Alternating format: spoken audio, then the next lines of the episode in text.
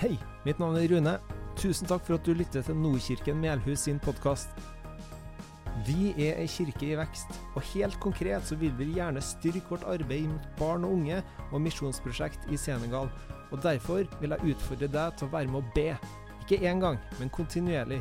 Vær med å gi gjennom fast givertjeneste. Vær med å bruke de gavene du har fått, til en velsignelse for andre. Se nordkirkenmelhus.no for mer informasjon om hvordan du kan engasjere deg. Lykke til! Herlig. Nå eh, får dere et innblikk i mitt, min strukturerte hjerne. Og så håper jeg at jeg får det her til. Um, for dere som ikke kjenner meg, så um, heter jeg Lisa, ja. Og jeg er veldig glad for å høre til den menigheten her. Vi har vært her i en eh, ja, var vel 2015 vi begynte. Så det begynner å bli noen år. Um, og det, jeg ser virkelig på det her som en, en familie for meg.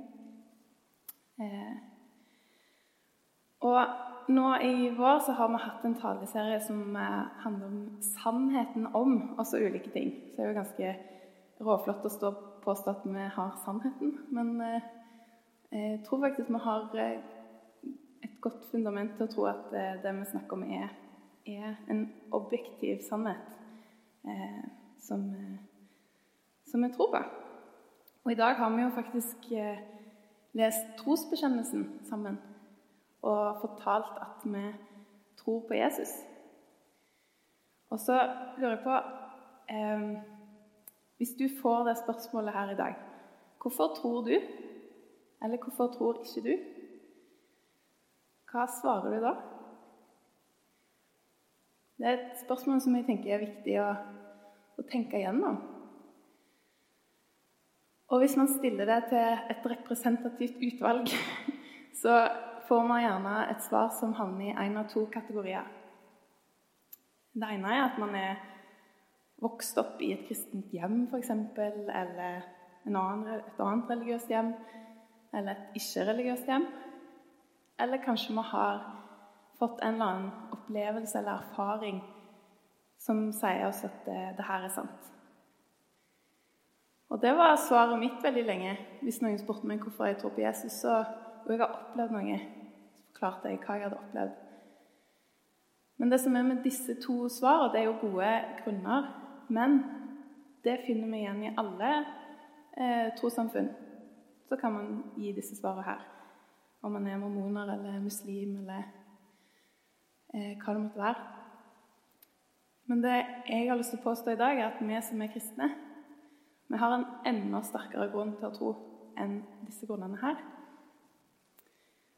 Og Jeg vil lese en eh, tekst. Vi pleier ikke å ha så lange bibeltekster på møtene, men jeg syns det er et eller annet fint med å bare lese litt lengre eh, bibeltekst. Og Det er fra Markus kapittel 15 og 16, vers 42.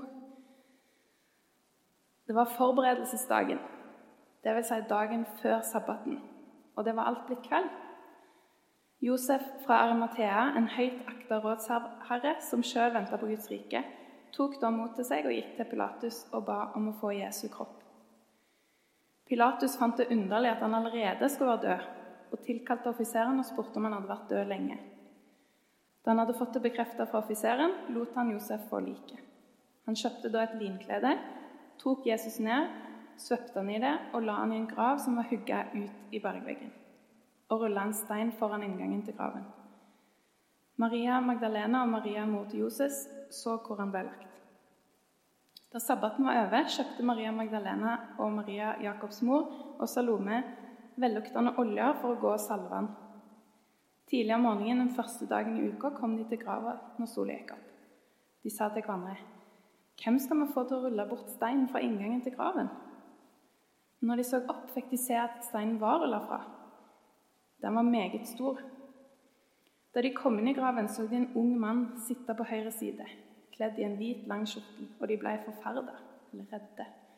Men han sa til dem, vær ikke forferda. Dere leter etter Jesus fra Nasaret, den korsfestede. Han er stått opp. Han er ikke her. Se, der er stedet hvor de la han. Men gå og si til disiplene hans og til Peter Han går i forveien for dere til Galilea. Der skal dere få se ham, sånn som han sa til dere. Da gikk de ut og flykta bort fra graven, skjelvende og ute av seg. De sa ikke et ord til noen, for de var redde.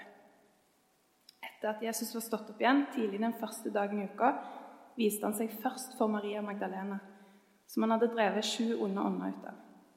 Hun gikk av sted og fortalte det til de som hadde vært med han, og som nå sørga og gråt. Men når de fikk høre at han levde, og at hun hadde sett han, trodde de det ikke. Seinere viste han seg i en annen skikkelse for to av dem mens de gikk på veien og skulle ut på landet. Og Disse kom og fortalte det til de andre, men de trodde ikke de heller. Til sist viste han seg òg for de elleve mens de var samla til måltid. Han bebreida dem for deres vantro og harde hjerter, for de hadde ikke trodd, de som hadde sett, at han var stått opp. Og han sa til dem, gå ut i hele verden og forkynn evangeliet for alt som Gud har skapt. Den som tror og blir døpt, skal bli frelst. Men den som ikke tror, skal bli fordømt. Og disse tegnene skal følge de som tror. I mitt navn skal de drive ut onde ånder, de skal tale nye tungemål, de skal ta slanger i hendene. Om de drikker dødelig gift, skal de ikke skade dem, og når de legger hendene på syke, skal de bli friske. Etter at Jesus, Herren Jesus hadde talt med dem, ble han tatt opp til himmelen og satt seg ved Guds høyre hånd. Men de gikk ut og forkynte overalt, og Herren virka med og stadfesta ordet gjennom de tegn som fulgte. Den teksten her viser oss at eh, det vi tror på, er en historisk hendelse. Og Det er ikke bare den teksten som vises det, men det er mye forskjellig. Men troa vår er basert på en historisk hendelse. Det eneste livssynet som potensielt kan avkrefte hele religionen hvis man finner bevis for at denne historiske hendelsen ikke fant sted. Vi har et veldig godt fundament for det vi tror på. Og Paulus skriver i 1. Korinterbrev kapittel 15, vers 17-19.: Men hvis Kristus ikke er stått opp, da er deres tro uten mening, og dere er fremdeles i deres synder.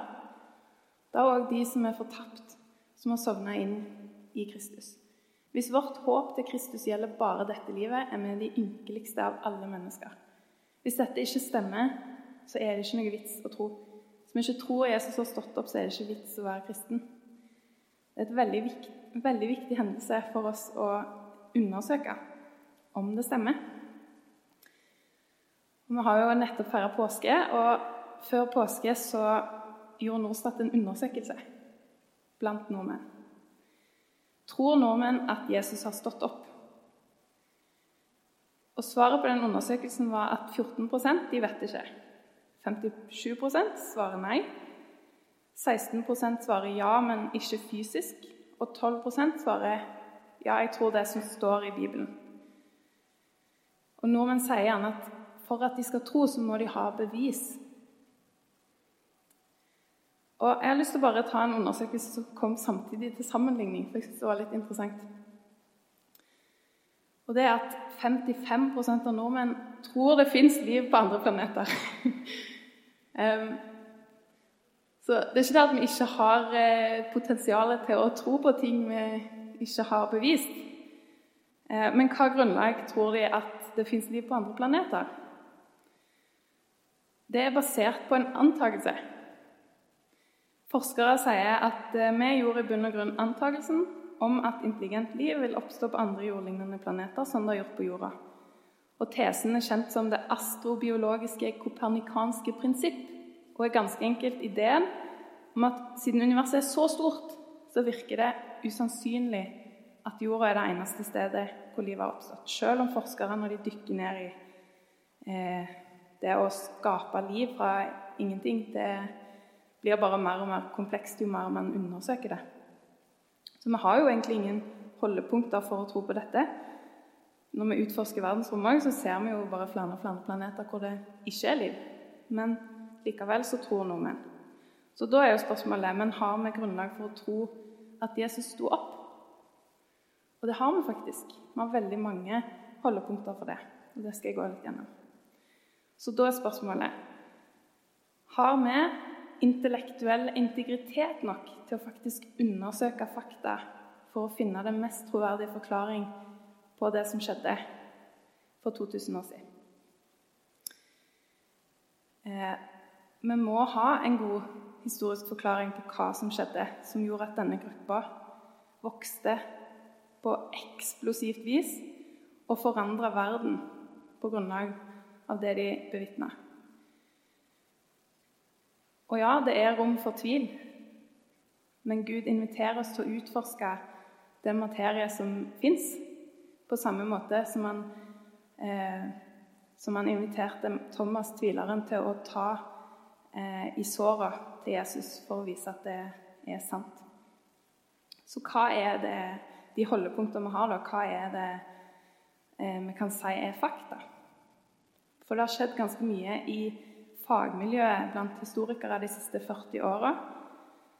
Eh, og de er nå samla om visse fakta. Om de er troende eller ikke kristne og skeptikere og ateister og hele pakka, så er de enige om disse tingene her. Dette er grunnlag for å tro på oppstandelsen. Nummer én Jesus var en historisk person. Han ble korsfesta og gravlagt. De er òg enige om at grava var tom, og ingen har funnet liket. Så de er enige om at disiplene påsto at de så den oppstandende Jesus. Her er det litt uenigheter om det de så var sant, men de er enige om at disiplene påsto at de så Jesus.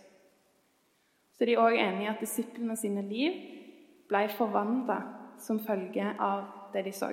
Og Det inkluderer òg Jakob, Jesu bror, som, som, trodde Jesus var gal når han levde, og snudde om livet og ble leder for kirka i Jerusalem etter han så Jesus. Og Paulus, som var en aktiv motkjemper mot kristendommen, til han sjøl så Jesus og eh, forandra livet. Og begge disse her døde for eh, troa si etterpå.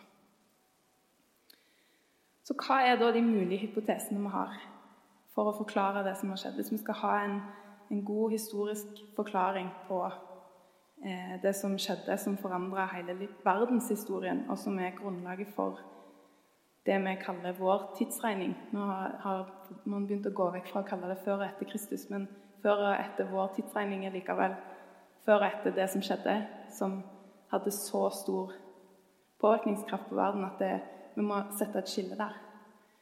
Så noe har skjedd, det vet vi, og her er alle mulige hypotesene. Enten tok disiplene feil, Jesus døde ikke, eller så løy de. Kanskje de hallusinerte, trodde de så noe de ikke så. Eller så ble de lurt. De kan ha blitt påvirka til å tro. Eller vitneutsagnene ble tukla med eller fabrikkert i ettertid. Eller så fortalte de faktisk sannheten. Det er det vi har å velge mellom. Så nummer én disiplene tok feil. Det er veldig lite grunn for å tro at Jesus ikke døde når han hang på korset, og at han klarte å overbevise disiplene nok etterpå at han eh, sto opp fra døden. For hvis han hadde overlevd, så hadde han ikke akkurat vært eh, spenstig levende etterpå. Eh, og det er veldig veldig lett å se om en korsfesta person faktisk er død. Eh, for å, Når de henger på korset, for å puste Hvis de henger i denne stillingen her, så er du automatisk innpusta. Og så må du tråkke ned på naglene, dra deg opp etter naglene for å få til å puste ut. Og sånn fortsetter det. Opp og ned.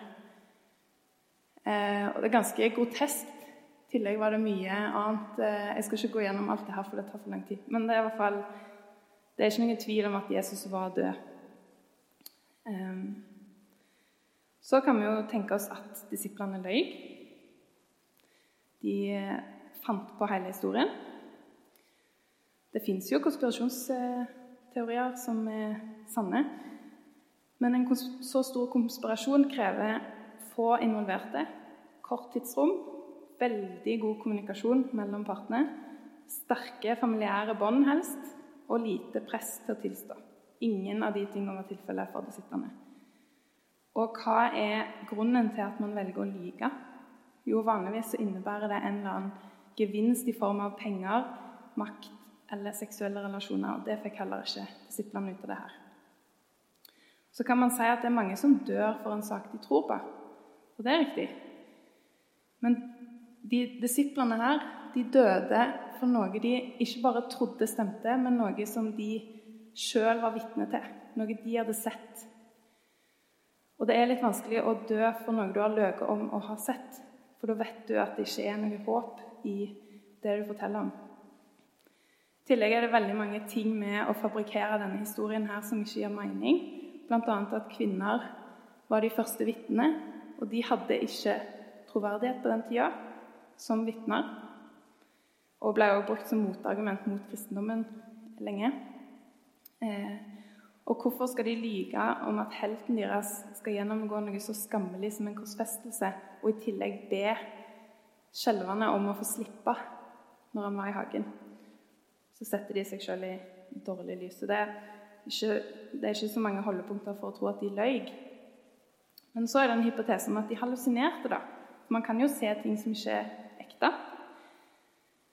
Eh, i 1. Korinter kapittel 15, som vi òg leste litt fra i stad, så lister Paulus opp ulike personer som eh, så Jesus. Blant annet mer enn 500 søsken så Jesus på én gang, og av de lever de fleste ennå, men noen er sovna inn. Så det her, her nevner Paulus vitner, sånn at folk, når de fortalte om det her, gå og snakk med disse menneskene. De har sett Jesus.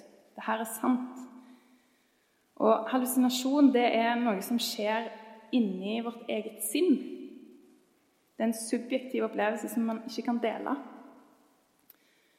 Eh, og hvis det blir nevnt eksempler på såkalt massehallusinasjon, så er det snakk om en sånn kontekst hvor det er grupper med en veldig sterk forventning om at noe skal skje. F.eks.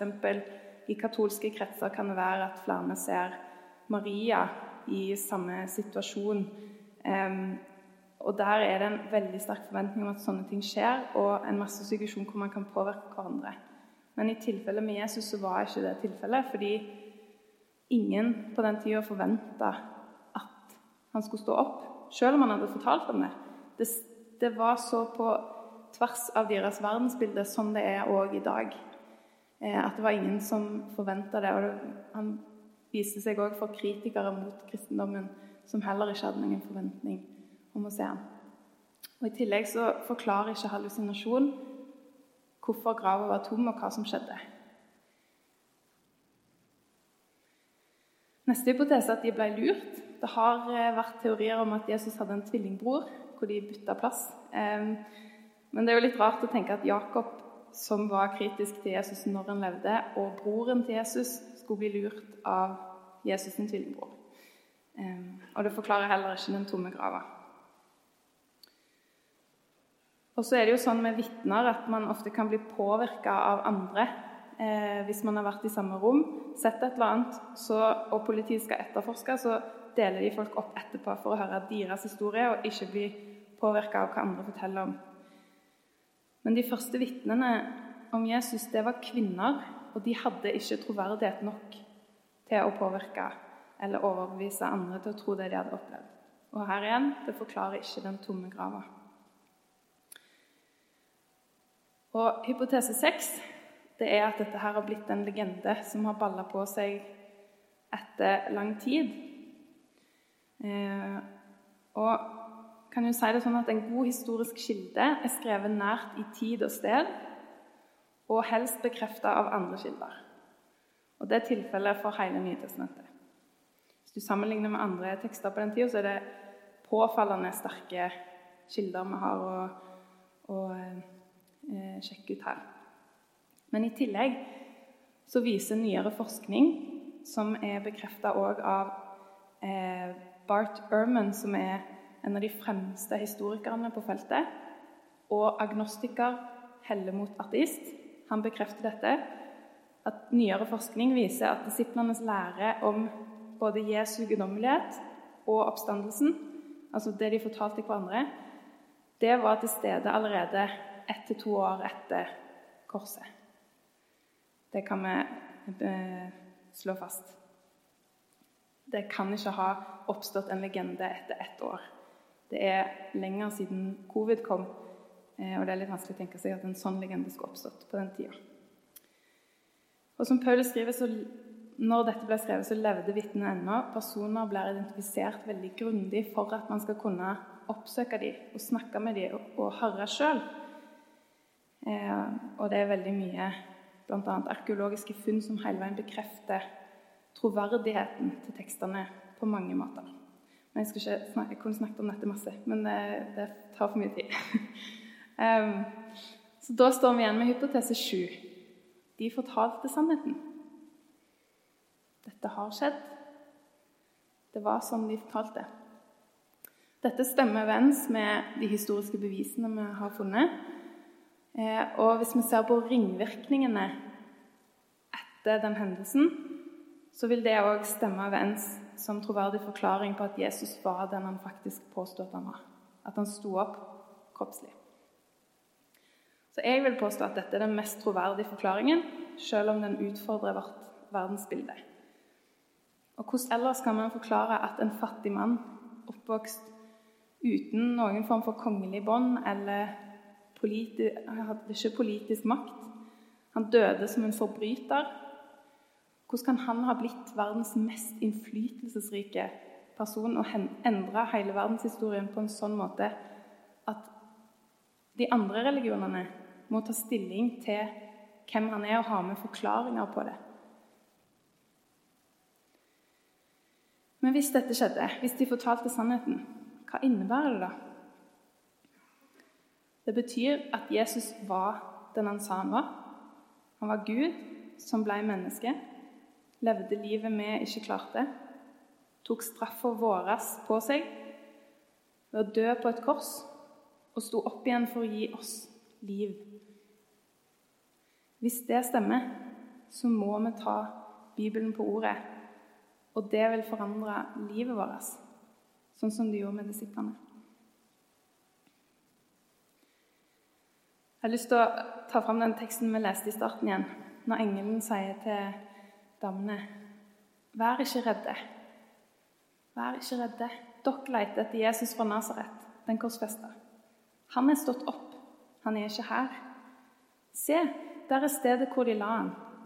Men gå og si til disiplene hans og til Peter Han går i forveien for dere til Galilea. Der skal dere få se han, akkurat som han fortalte dere. Hvorfor nevner de Peter med navn her? Verden forteller oss at vi får en eller annen form for frelse i ulike verdenssyn og, og sånt, men eh, jevnt over så, så lærer vi at frelse får vi i den grad vi er gode gode mennesker. I den grad vi lever opp til en moralsk standard, eller den grad vi har åndelig styrke. Men evangeliet forteller oss at nei, det er ikke sånn. Vi oppnår frelse kun av nåde, ved tro. Peter blir nevnt med navn rett etter han hadde vist et enormt svik mot Jesus. Han hadde lovt på sitt dyrebare liv at han skulle stå sammen med Jesus. Om noen, altså han, var den, han, var den, han skulle være med Jesus. Det var så tydelig. Og så eh, Så sier han tre ganger Nei, jeg kjenner ikke Jesus. Jeg hører ikke til han. Jeg er ikke hans. Eh, fornekter Jesus. Han fikk et enormt svik. Eh, og jeg tror ikke han hadde følt at han kunne komme til Jesus etterpå hvis ikke han hadde blitt nevnt spesifikt med navn. vet du hva? 'Peter, du skal være med meg videre. Jeg trenger deg.' Peter viste den største angeren og fikk dermed òg størst forståelse av nåden. Det gjorde han best kvalifisert til å være leder i Guds rike. Frelsen får vi i nåde, og det kommer gjennom svakheten av at Jesus måtte dø på korset vårt for oss. Det er ganske sprøtt å tenke på at jeg er faktisk så dårlig min, i den moralske standarden min da, at jeg er avhengig av at Gud sjøl kommer og dør for meg. Er ganske, da er jeg ganske svak. Men det er jeg. Og det mottas når vi innrømmer det, innrømmer vår svakhet, at vi ikke klarer det i egen kraft. Jo større innrømmelse av svakhet vi har, desto større forståelse av nåde får vi òg. Men det er vanskelig å innrømme at vi tar feil. Det gjør vondt. Vi har en tendens til å bortforklare og skylde på andre. Senest denne uka her så kom Rune bort til meg og du, Lisa, hva har skjedd med denne eska med sjokolade? Og jeg bare Hva har skjedd med den isboksen i frysen? um, skylder på hverandre. um, og bortforklare ting som vi gjør. Ja, men hadde du levd det livet jeg har levd, hadde du vokst opp sånn som jeg har vokst opp, hadde du, hadde du vært i den situasjonen, så ville du sett at det, det blir sånn. For en stund siden så gikk det opp for meg at til og med når vi gjør gode ting som er meint godt Hvis vi gjør det litt fordi vi har lyst til å, å virke gode, eller når jeg forbereder meg, hvis jeg har lyst til å, å virke smart, hvis det er det jeg lærer mer om Gud for, da er det òg bare bortkasta. Og når det gikk opp for meg at det, det er ikke engang bare handlingene våre, men det er intensjonene våre, da stakk det litt. Å, det er sant. Det er ikke at jeg vet sjøl engang hva motivasjonen min er. Gud vet det. Og han finner sikkert mye rart. Um, men det gjorde òg at jeg òg skjønte mer hva nåden faktisk innebærer, og hvor stor den faktisk er. Vi tar ansvar og innrømmer egen skyld og legger det på Jesus. Det leder oss inn i evangeliet. Det gjør at vi ser hvor svake vi er, og hvor mye det koster. Det ser òg hvor høyt elska vi er av en som kjenner alt det mørke inni oss, og alt det gode vi prøver å gjøre. Du er elska på tross, og du er elska uavhengig av dine handlinger og dine tanker. Det kan gjøre oss mer ydmyk, men samtidig òg mer modig enn noen gang. Gir oss mer selvinnsikt og òg mindre fokus på oss sjøl, fordi vi kan se til Jesus. Det gjør at vi vokser. Det gjør at det er lettere for oss å tilgi andre når vi ser hvor mye vi har blitt tilgitt sjøl. Det gjør det lettere for oss å elske andre sjøl om det er vanskelig. Og det gjør det lettere for oss òg å gjøre det rette. For ofte så er det vanskelig å gjøre det rette. Vet ikke om dere har kjent på det, i hvert fall, men man kan eh, vite at nå burde jeg si noe. Nå burde jeg stå opp for den personen her, eller nå burde jeg et eller annet, hva det måtte være. Men så vegrer man seg fordi man er redd for konsekvensene det vil få for livet vårt her og nå. Man kan være redd for å miste eh, goder. Kanskje redd for å miste jobben. Eh, redd for å miste venner eller status eller kontroll eller nytelse. Um, det livet her er fullt av vonde ting. Gode ting, men òg vonde ting Fullt av lidelse, død, sorg, sykdom. Og når vi tror at denne verden er alt vi skal ha, så blir vi redd for å gjøre det som er rett. Vi blir redd for å eh, leve det livet Jesus kaller oss til. Men oppstandelsen gir oss et håp som gir oss frihet fra verden. Det gir oss et evig perspektiv. Det fjerner den frykten for å miste goder i dette livet. Fordi oppstandelsen viser oss at vi får så veldig mye mer i det neste livet. Ehm, for Bibelen er den eneste religionen som også forteller oss at vi skal få en ny kropp. Vi skal ikke bare leve i en sånn åndelig, fluffy verden, men vi skal få en ny kropp. Eh, og Gud skal gjøre jorda ny så hvis du er lam, så skal du få en kropp hvor du kan danse og hoppe og svømme og glede deg over god helse. Hvis du er deprimert, så skal du få en ufattelig eh, livsglede og fullkommen kjærlighet som vi aldri kunne ha forestilt oss her. Eh, alt det vi står oppi nå, det vil snus opp og ned i evigheten. Paulus sier det. Død, hvor er din brodd? Død, hvor er din seier? Den har ikke noe makt over oss lenger når vi løfter blikket til det her evige perspektivet. Og Samtidig så gir det oss frihet for verden. Fordi eh, så høyt har Gud elska verden at han ga sin sønn. Oppstandelsen viser oss at Gud elsker denne verden. Frelsen vår er ikke en flukt fra denne materielle verden her. Gud vil redde den fysiske verden òg, for den er god. Ehm, det er bare så mye vondt her som Gud vil ta et oppgjør med. Og Guds rike er her allerede, men ikke helt ennå. Og vi kan få oppleve eh, den forvandlingen som disiplene òg opplevde gjennom å ta imot eh, det her.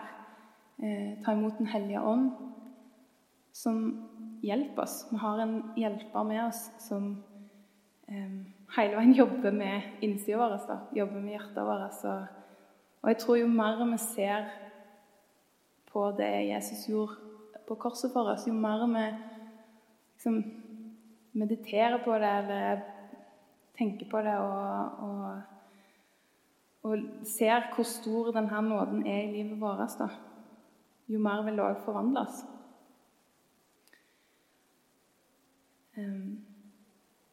Jeg vet ikke om eh, om du tror fra før. Eh, jeg vet ikke om det jeg har sagt i dag, har noen eh, Start noen spørsmål i deg, eller et bedre fundament for deg som tror allerede. Men jeg håper at du i hvert fall tar stilling til det som Jesus har gjort, og det disiplene fortalte om. Eh, og ja, grunne på det og fundere på det. Eh, og fundere på hva det vil si for deg. Vi skal òg ha forbønn etter, etterpå, så meg og Astrid kommer til å sitte Er det baki der? Eller? baki der. Eh, så hvis dere har lyst til å bli bedt for, så kan dere komme til oss. Det kan være hva som helst. Det eh, kan òg være hvis du har lyst til å ta imot eh, troa. Eller bare et eller annet du står oppe i dag, eller om du har lyst på en velsignelse. Et eller annet. Så kan du komme der. Så jeg har òg lyst til å oppmuntre deg bare til å sjekke opp enda mer det som jeg har snakka om i dag. For det er så utrolig godt fundament å stå på når noen spør oss hvorfor tror vi egentlig. Så Et tips er oppstandelsen.no. En teolog som heter Tor Håvik, som noen kanskje kjenner fra Farmen kjendis, nei, Farmen, eh, laga en serie om oppstandelsen eh, med masse, masse ressurser liggende der. Og anbefaler å sjekke ut Gary Habermas, som er en av de mest anerkjente historikerne på temaet, og ei bok som heter 'Cold Case Christianity', av Jane Warner Wallace, som var en eh, ateist-etterforsker som ville sjekke ut eh, hva slags bevis det var for eh, Jesus, og endte opp med å tro. Eh, så det er bare noen tips. Og så vil jeg avslutte med en eh, bønn. Takk, Jesus, for at du kom eh, til jorda. takk for alt du har gjort for oss. Eh, ber om at du skal åpne hjertene våre til å forstå hvem du er.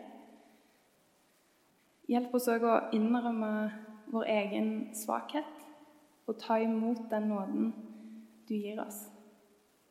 Og takk for at du er med oss i livet, livets gode, gode og tunge tider.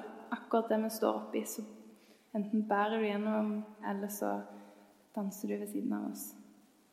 Fyll oss med mot og glede til å dele sannheten om deg.